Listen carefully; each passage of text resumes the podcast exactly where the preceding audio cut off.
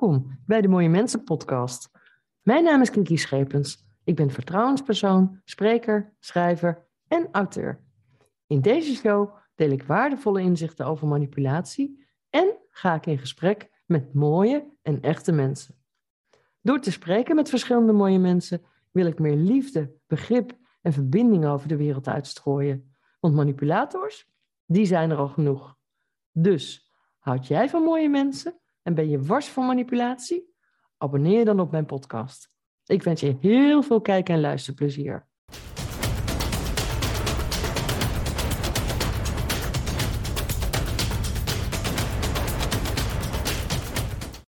Agressie op de werkvloer.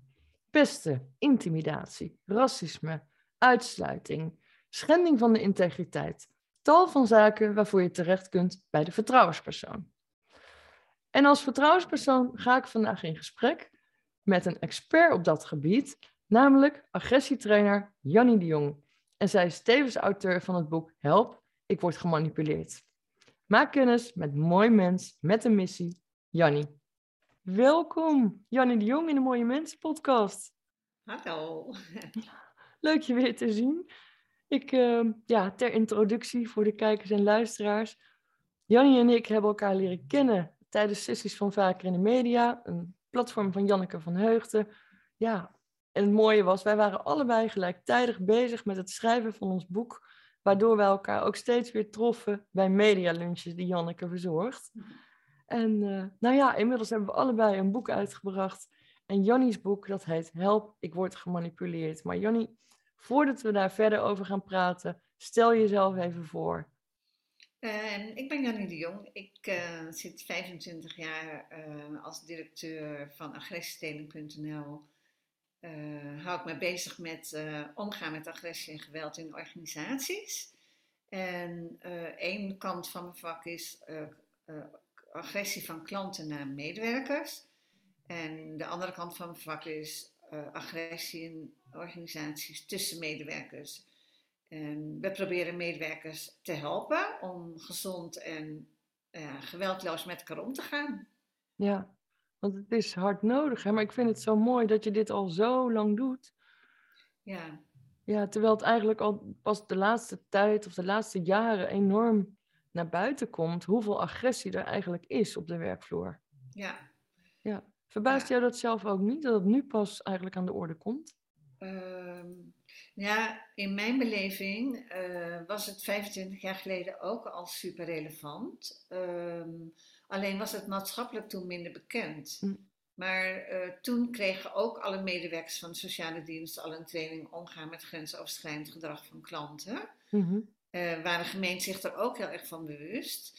Um, alleen, ja, nu zit het veel meer in de media, omdat de agressie maatschappelijk gezien veel zichtbaarder is. Ja. En ook omdat het veel meer in de openbare ruimte gebeurt. Um, bijvoorbeeld ook, zeg maar, nu met de boeren, die, uh, zeg maar, voor het huis van mevrouw van der Wal gaan staan. Mm-hmm.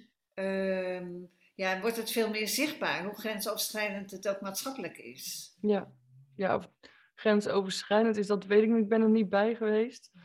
Um, maar je merkt natuurlijk wel dat die agressie sowieso in de hele maatschappij steeds meer en meer toeneemt. Ja. ja.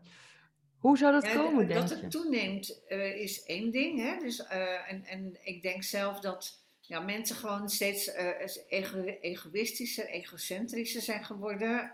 meer individualistisch ook. Mm -hmm.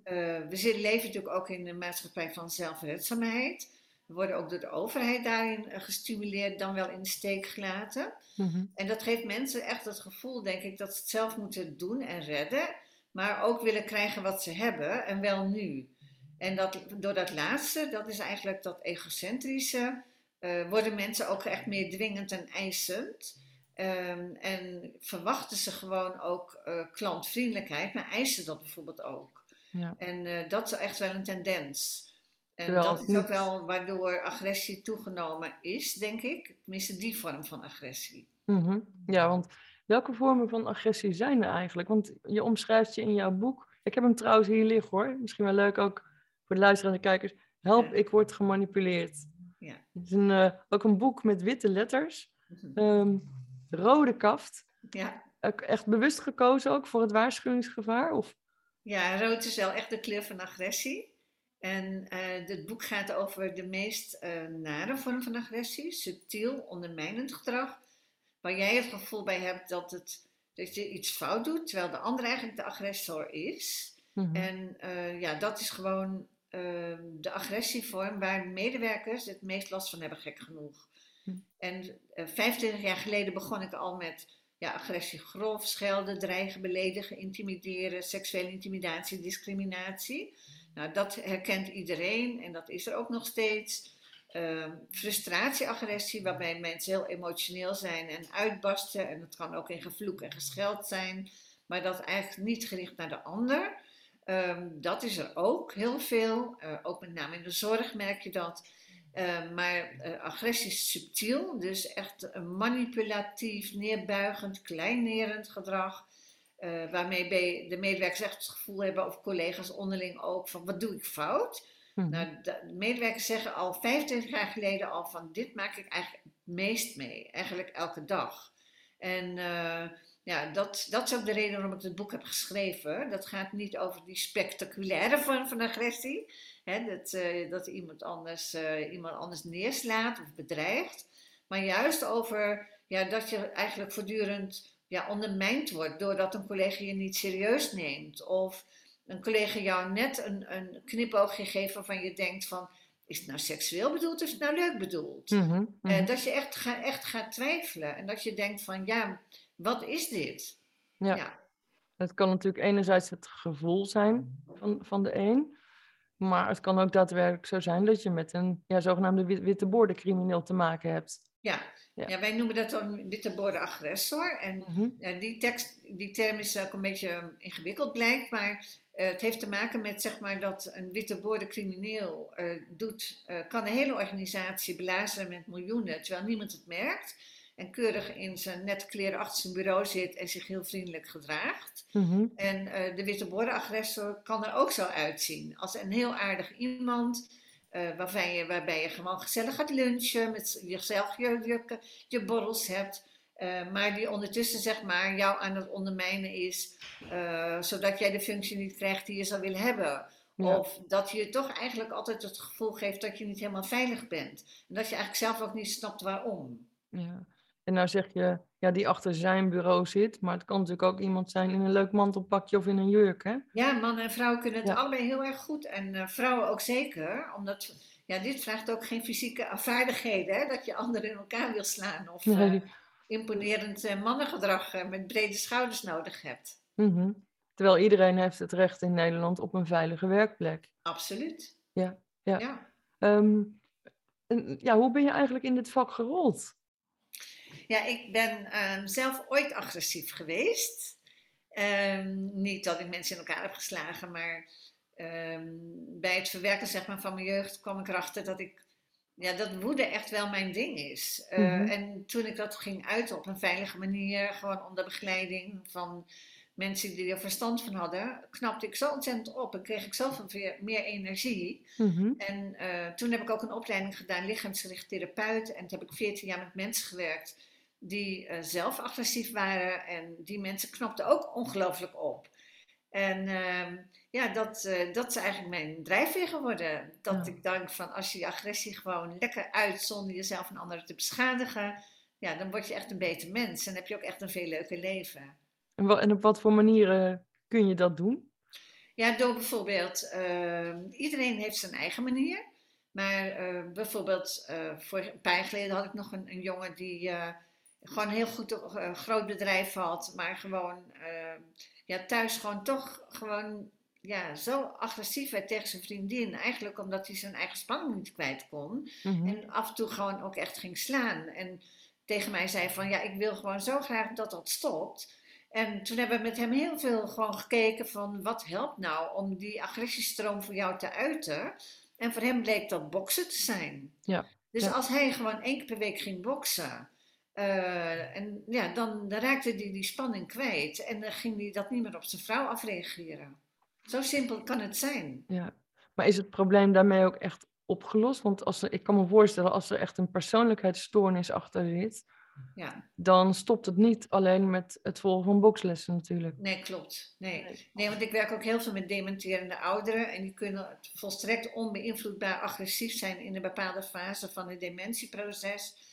En dat kun je eigenlijk alleen maar oplossen met medicijnen. Ja, en, en op welke manier word jij erbij betrokken dan? Eh, Hoe gaat dat?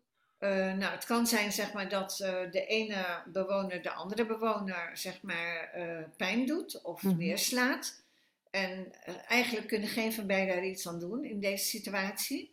Eh, maar het kan natuurlijk hele nadelige gevolgen hebben. En dat heeft het ook gehad voor eh, de ene persoon die neergeslagen werd. Mhm. En eh, dan is het heel belangrijk om met de organisatie te gaan zitten, met management en de teamleden, van hoe kunnen jullie zeg maar, dat voorkomen in de toekomst. Dus dan ben je helemaal niet meer bezig met gedragsbeïnvloeding, maar meer met ja, hoe kun je genoeg mensen op de werkvloer hebben, hoe kun je de camera's zo instellen dat je ziet eh, dat zoiets gaat gebeuren, hoe kun je voldoende personeel op je hebben.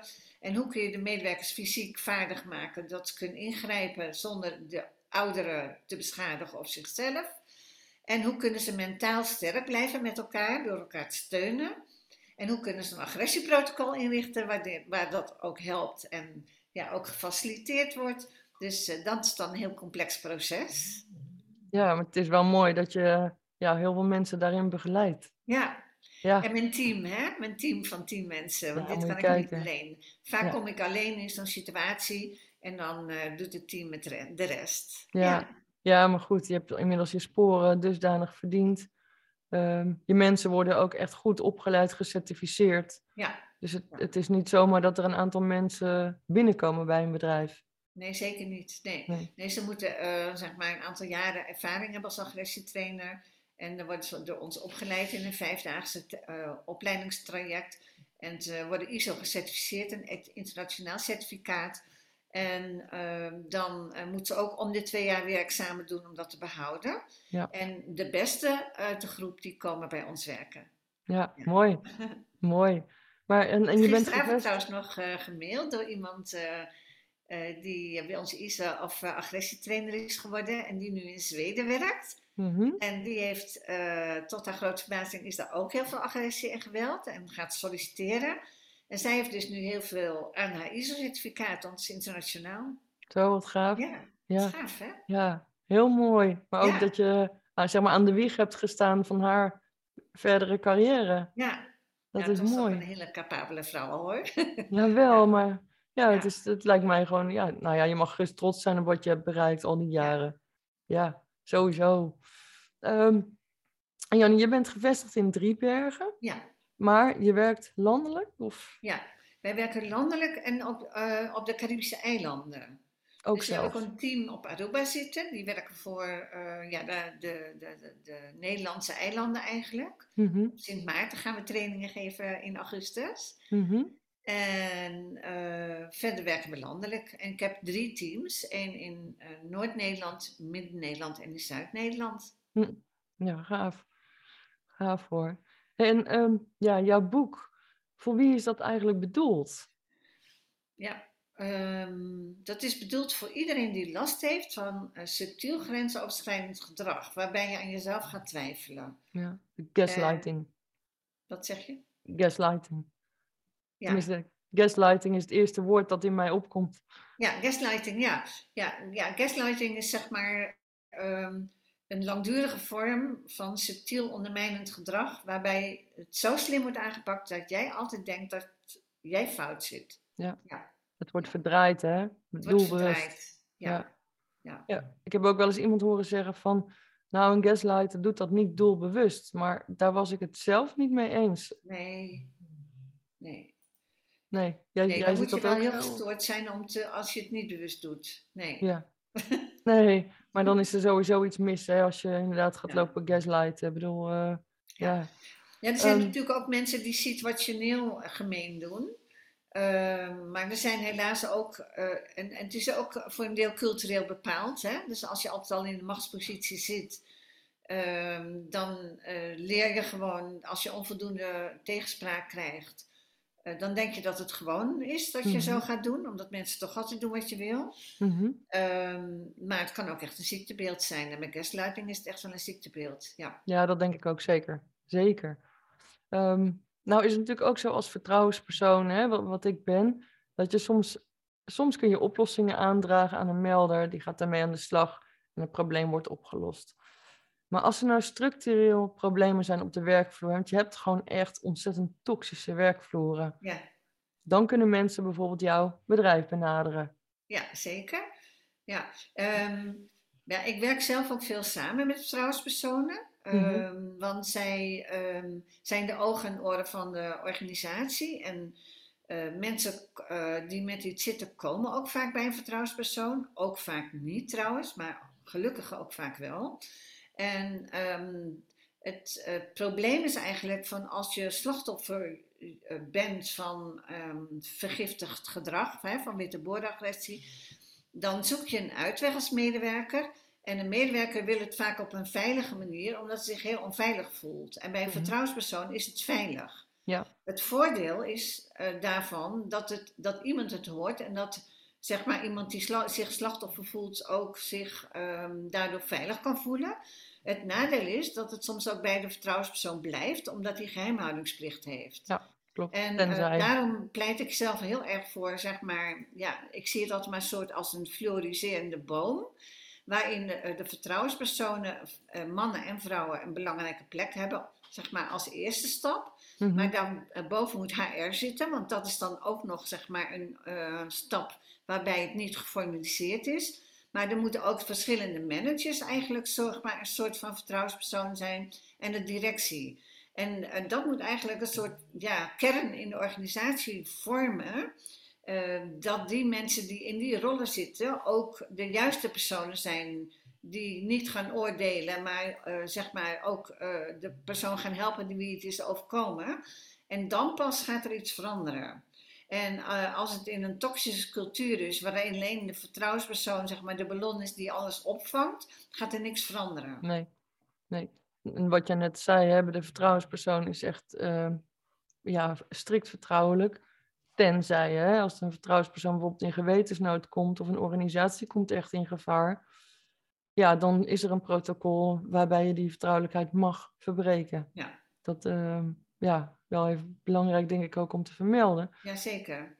Maar wat je vaak ziet is dat, want een manager is uh, verantwoordelijk hè, voor, voor, voor die veilige werkplek. Dat is niet de verantwoordelijkheid van de vertrouwenspersoon. Klopt. Maar het ligt heel vaak juist aan het management. Ja, klopt. Dat is het punt. Ja. ja. En, en wat ik me, waar ik me altijd over verbaas, um, is dat als er meerdere slachtoffers zijn, hè, of bijvoorbeeld van discriminatie of uitsluiting, pesten, dat niemand zich uitspreekt. Ja, maar dat is dus uh, waar, ik, waar ik zeg maar uh, zo door gefascineerd ben. Hè, dat Mhm. um, uh, een, een situatie waarin ik recent heb gezeten of bijna klaar ben, dat, daar is, heeft iemand 30 jaar heeft die seksueel grensoverschrijdende grappen gemaakt. Zo. En dat werd eigenlijk door iedereen wel herkend als grensoverschrijdend. En elke keer als hij erop aangesproken werd, van uh, joh, doe dat nou niet, dan zei hij, oh nee, ik doe het niet meer. Hm. En uh, vervolgens begon hij na een paar maanden weer. En wat er dan ontstaat is een soort sluipende wijs proces, dat die persoon doet het altijd, iedereen weet het. Mm -hmm. En iedereen gaat dan zijn eigen overlevingsstrategie uh, bedenken. De een zegt, aan mij kom je niet, want ik heb een man en drie kinderen. En de ander zegt, ik ga nooit met hem in één ruimte zijn. Iedereen, eh, mannen die hem af en toe aanspreken en die zich vreselijk schamen voor een collega. Hm. En die uh, uiteindelijk denken, ja wat moet ik ermee, want er gebeurt niks mee. Nou, het is een persoon in een managementfunctie. En zo kan een, een proces zich 30 jaar voortslepen. Ja, tot er iets es echt escaleert en dan, dan word ik erbij gehaald. Maar uh, dan, en dan heb je dus een giftige cultuur. Maar eigenlijk zou je dan al veel eerder... De... Sorry. Waar iedereen, waar iedereen echt overleeft. Ja, maar ook last van heeft. Dus ja. eigenlijk zou je dan al veel eerder ten tonele moeten verschijnen. Ja, maar dat, dat, dat is dus wat niet gebeurt. Nee. Nou ja, goed, een tip voor alle vertrouwenspersonen met mij. Hè, als je zoiets tegenkomt, uh, schakel agressietraining.nl in, toch? Nou ja, kaart het aan. Ja, nee, je, je, moet, je, je, moet mij niet gelijk inschakelen. Je moet het aankaarten bij je manager. Hmm. En steun zoeken bij de directie en naar de vertrouwenspersoon gaan en tegen de vertrouwenspersoon zeggen dat ze je mag helpen in het, om mee te gaan in, in het aankaarten op beleidsniveau, anders Mhm. gebeurt er niks. Ehm, en als dat allemaal niet lukt, dan mag je mij inschakelen. Ja, Oké. En dan, en dan kunnen mensen jou bereiken via onder andere. Eh, via de jongagressietraining.nl.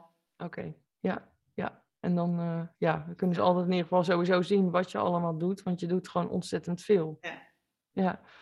Ehm, en wat ik me ook afvraag, hè, eh, wat je dus ook vaak ziet, is bij die organisaties waar het zo ontzettend fout gaat, ehm, is dat er een enorme wissel in personeel zit.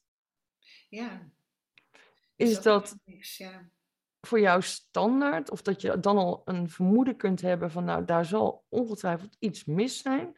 Of kan het ook gewoon zijn dat er veel mensen wisselen van baan? Ehm, ja, ehm, ik krijg soms ook individuele eh, personen eh, Mhm. die bij mij hulp vragen.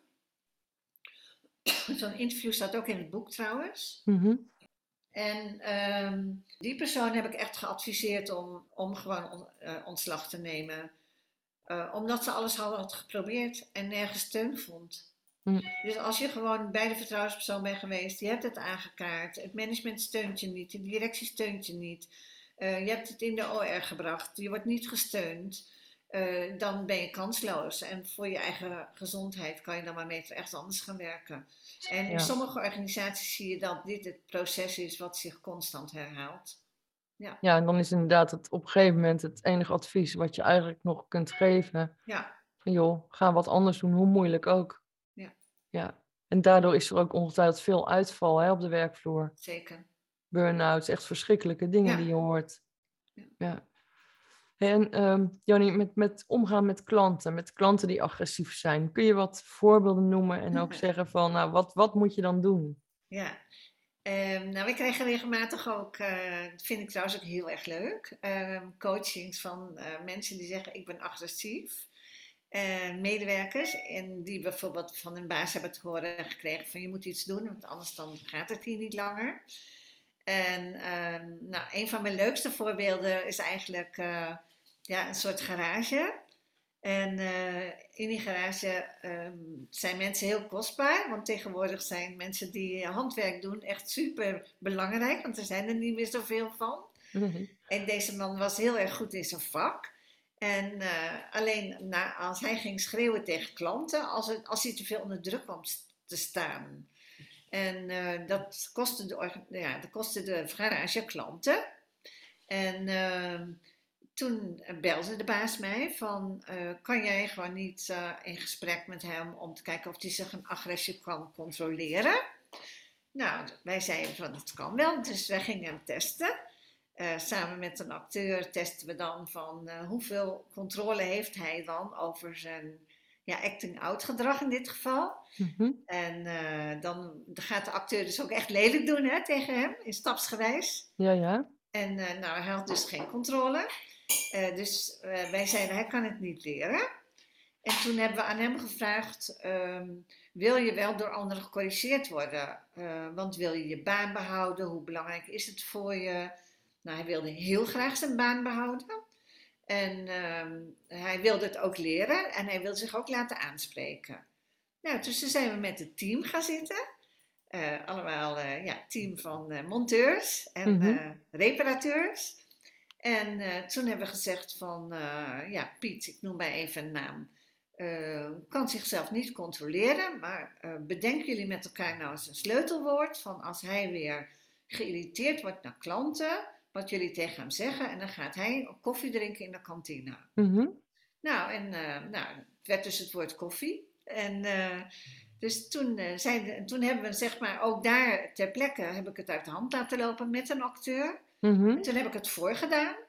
Nou, en toen eh, stapte hij op en dan ging hij naar de kantine en dan kwam hij weer tot rust. En dan we- ging het weer over. Nou, zo werken ze nog steeds prettig samen. Ja, dat is mooi. Ja, Maar heeft hij dan zelf, eh, kan hij dat onder controle houden? Doe je dan ook Nee. nog een soort van Ja, hij kan niet onder, hij heeft ADHD. Hij kan, het niet, hij kan zichzelf niet controleren. Nee. Eh, maar zijn omgeving wel. En dat accepteert hij en dat is de sleutel. Ja, en dus is het ook voor de werkgever. Ik bedoel, eh, ja, anders, anders rennen je klanten gillend weg. Ja, Ja, ja, en dat kan gewoon niet. Maar ook wel goed van die werkgever dan dat hij jullie heeft ingeschakeld. ja, Hè, want blijkbaar stond dan de veiligheid op de werkvloer ook voor die werkgever heel hoog in het vaandel. ja. En die werkgever wilde hem ook niet kwijt, want het is een supergoeie monteur. Ja, ja, dat is een win-win En, eigenlijk. en de teamleden hadden er ook heel veel belang bij, want eh, zo'n schreeuwert in de garage is ook echt niet fijn. Nee, Dus eh, iedereen wilde gewoon. ja. Ja, maar dat is ontzettend fijn en dat is een mooi voorbeeld ook van Ja. hoe het ook anders kan. Ja, Alleen ja, soms hebben mensen daar echt, of bedrijven, echt een, een hulp bij nodig. Ja. Ja. En ehm, ja, even terugkomend ook weer op de witte boordencriminelen op de werkvloer. Want je herkent ze niet gelijk. nee. Maar kun jij, ehm, voor mij ja, een beetje een retorische vraag, maar kun jij wat kleine voorbeelden ook noemen van hoe subtiel zoiets gaat? Het, het subtiele is eigenlijk dat als je je gesteund zou willen voelen, Mhm. doordat iemand ehm, zegt, ehm, omdat je een goed rapport hebt geschreven bijvoorbeeld, dat iemand zegt, goh, wat heb je dat goed gedaan? Of eh, wat fijn dat het af is. En dat iemand dan bijvoorbeeld eh, dat net niet zegt. Ja, Snap je? Ja, Dat iemand zegt, oh bedankt, het is af. ja, Snap je? Da- daar in plaats van, goh, eh, wat fijn dat het af is. ja, Snap je? Of, ehm, nou mooi, lekker op tijd.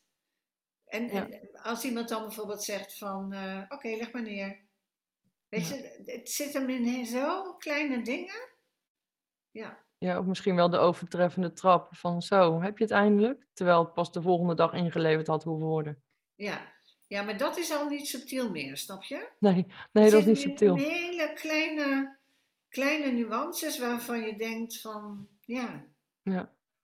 Hey, en ehm, discriminatie op de werkvloer. Ehm, ik heb toevallig een tijdje terug een interview gedaan. eh, spreek je uit tegen racisme? Want dat komt toch ook nog echt heel erg veel voor. ja. Ja. Ja. Hoe ga jij daarmee om als agressietrainer? Nou, eh, ik merk het vooral heel veel in de zorg. Mhm. Dus eh, dan, dan heb je het verschil zeg maar, tussen ehm, ja, oudere mensen, eh, eh, 70, 80, 90, ehm, een beetje ontremd, beginnen dementerend. Eh, en dan in de zorg werken heel veel zeg maar, mensen met een niet-westerse achtergrond. En, eh, eh, en, eh, maar zeker op plekken waar het nog, bijvoorbeeld Noord-Holland, waar, waar ik ook veel werk, is bijvoorbeeld 1 op de 10 eh, eh, van een niet-westerse achtergrond. Mhm. Ja, dat gewoon bewoners zeggen, ja, ik wil niet door haar geholpen worden. Zo, Ja. dat is erg. Of ik wil niet door zo'n zwarte geholpen worden. Oh. echt hoor. Ja. En, en hoe gaat dan zo'n leiding daarmee om? Want dat zijn gewoon dingen dat ik denk van ja, Ja, dat, dat iemand die keus niet heeft. Hè? Dat je gewoon, en, dat je het ook niet mag zeggen, dat het discriminerend is. En dat we ook echt zeggen van, ik voel me gewoon eh, gediscrimineerd als jij zegt zwarte. ja, maar dat kun je toch niet, maken om tegen mensen te zeggen. Hm? Dat kun je niet maken. Nee, Nee. nee. Ehm, maar ja, wat dan? Want je kan zo'n bewoner. Ja, natuurlijk, die kun je wel aanspreken op het gedrag. Kijk, ik geloof wanneer iemand dementerend is, kun je het hem misschien niet kwalijk nemen. Nou, in het beginstadium van dementie prima hoor. Ja, in Eh, het die beginstadium wel. cognitief nog heel goed te trainen. Mhm. Dus eh, dan kun je ook gewoon in twee woorden zeggen, eh, geen zwarte zeggen, op Ja. bijvoorbeeld. Ja, Dus, ehm, maar in vergevorderd stadium inderdaad niet meer. nee. Maar het is natuurlijk wel. En, en, en de collega's dan, van, van, van iemand zeg maar, met, met een niet-westerse achtergrond of een kleurtje. Ja. Ehm, Nou, die komen die dan wel op? voor collega's op hoor. Ja, fijn. Jazeker. Dat, dat kan ik me dan ook wel weer voorstellen vanwege hun veelal empathische vermogen. Hoewel er in de zorg toch ook wel veel mensen werken, wat ik wel eens constateer, waarvan ik denk van waar is jouw empathisch vermogen? ja. Die, die kant is er ook. ja, die kant is er ook. En ehm, ja, verzorgenden geven eigenlijk te veel. Hè? Mhm. En eh, dat is ook waar we heel erg mee bezig zijn. Van geef je grenzen aan. Jij mag er ook zijn. Je hoeft Ja. niet geschopt, geslagen, geknepen, gebeten te worden de hele tijd. Hè, bescherm jezelf. Maar je mag ook jezelf bij de mantelzorger beschermen. Door als, als mantelzorgers eh, ja, gewoon heel naar tegen je doen. Eh, maar je ziet ook uh, verzorgenden, daar zijn we eigenlijk te laat. Die hebben Mhm. zoveel gegeven en eh, die hebben alles maar geladen en die voelen dan nu zelf ook niks meer. Nee, En, en ja, die bereik je ook niet meer in trainingen. nee. Nee. Maar jij leert ook dan ook alles al en die hebben ook alles al gezien en meegemaakt. Maar ja, die zorgen dan eigenlijk ook niet meer. Dat zijn robots. Ja, ja. Ja, hier, zonde hè. Zonde, hè? Ik vind dat erg, ja. Ja, En ja, jij leert dus ook echt duidelijk aan mensen om hun grenzen aan te geven. ja. Zo, waarom is dat zo belangrijk? Ja, omdat als een medewerker zichzelf veilig voelt en mentaal gezond en eh, met een fris gemoed ook naar huis gaat, omdat ze zich niet heeft laten slaan of krabben of uit heeft laten schelden, ja, dan voelt iemand zich ook veel beter en dan kan iemand ook veel beter zijn werk doen. Ja, ja.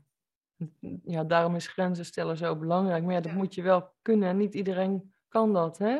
Nou, de meeste mensen kunnen het echt wel leren. Ja, het is te leren, daar ben ik van overtuigd. Ja, gewoon die assertiviteit en eh, Ja. Nou kan jouw boek daar denk ik ook bij helpen, want je, je geeft ook, ik Ja. vind het heel leuk gedaan. Je geeft ook opdrachten in het boek, hè? Ja. ja, ik heb laatst dus eh, de omgekeerde wereld meegemaakt. Toen had een deelnemer eerst mijn boek gekocht. Mhm, En toen had ze alles uit het boek toegepast. mhm, Dat was in het geval van onderwijs, als een hele dwingende mantelzorger of een ouder. mhm. En eh, die, eh toen had ze dus alles toegepast en vond ze zo interessant, dus ze wil ze training komen volgen. Oh, leuk. Ja. En nu gaat ze het ook voor haar school inkopen.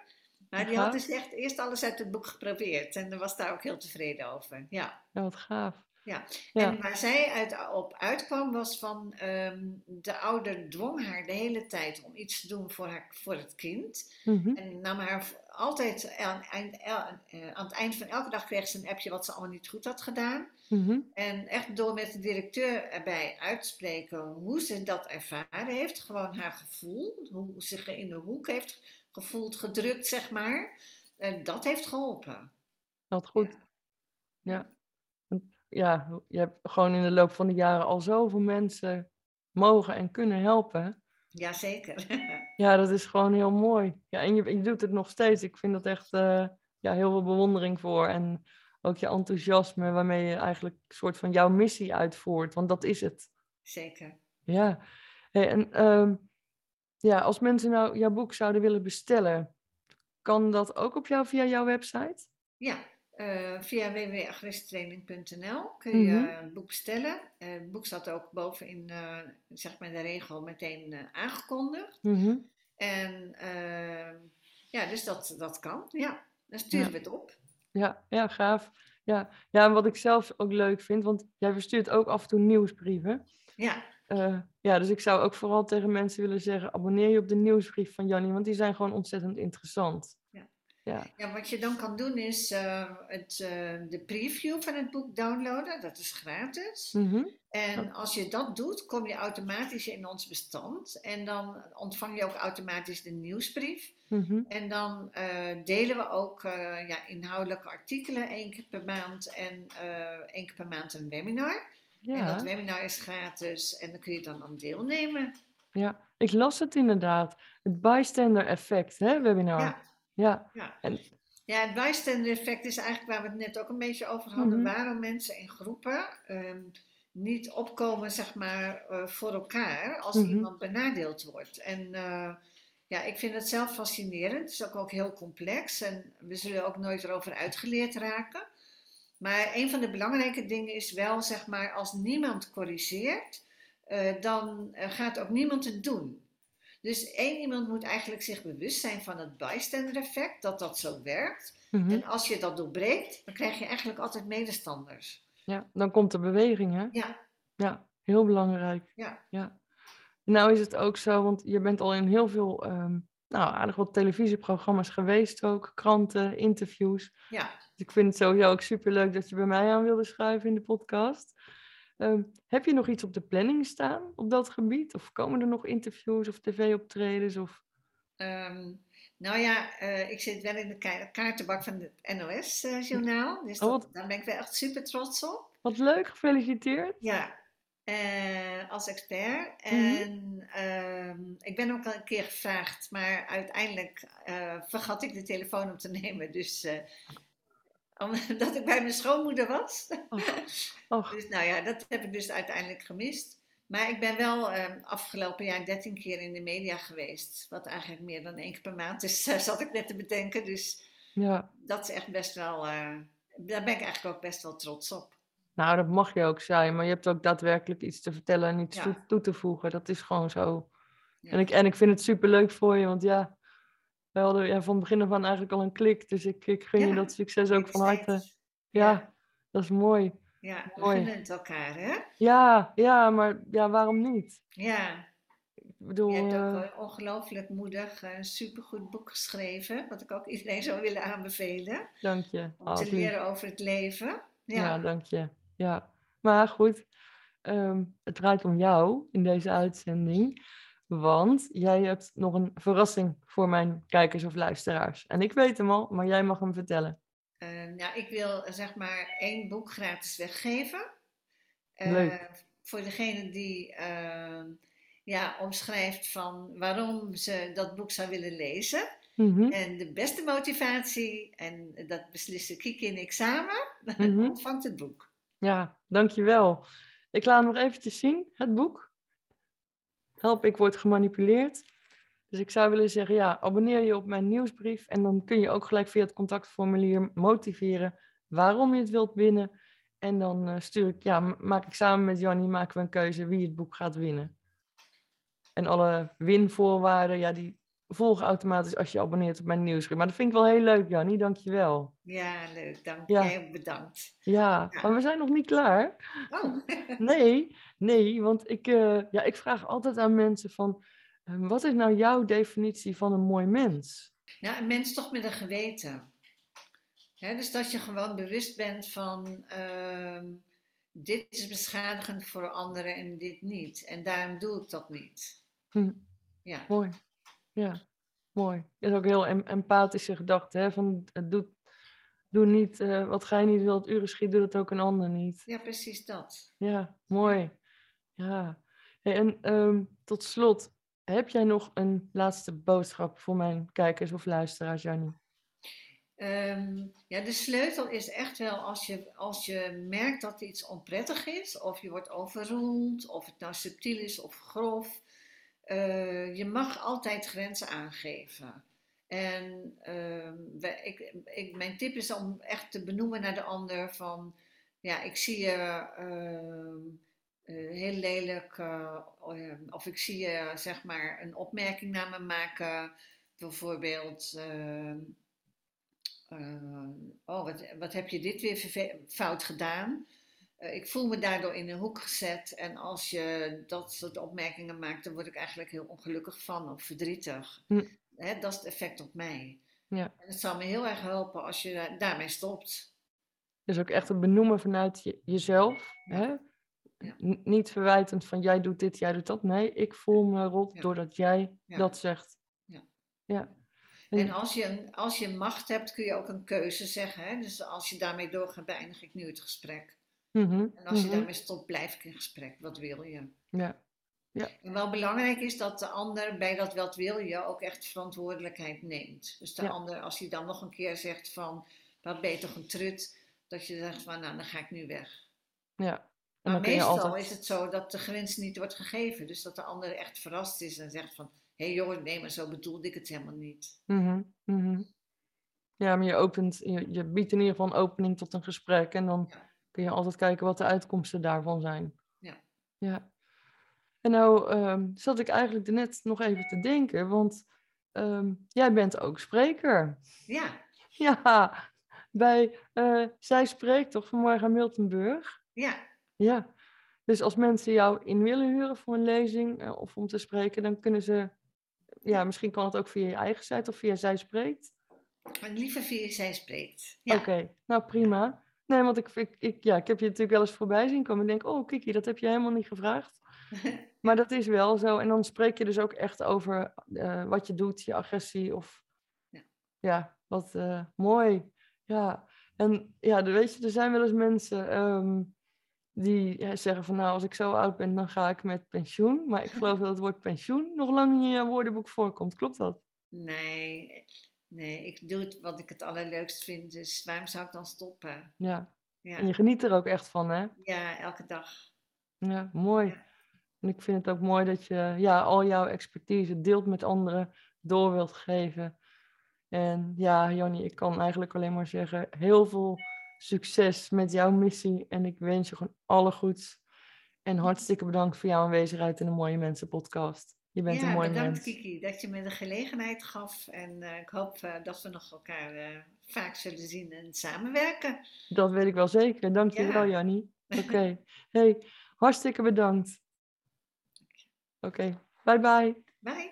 Bye. Dankjewel voor het kijken of luisteren naar de Mooie Mensen podcast. De podcast vol met mooie mensen en echte verhalen. Ik vind het superleuk als je een reactie achterlaat en even laat weten wat je ervan vindt. Op mijn website mooiemensenpodcast.nl staan nog meerdere afleveringen. En daar kun je je ook abonneren op mijn nieuwsbrief, zodat je als eerste op de hoogte bent als er een nieuwe aflevering online staat.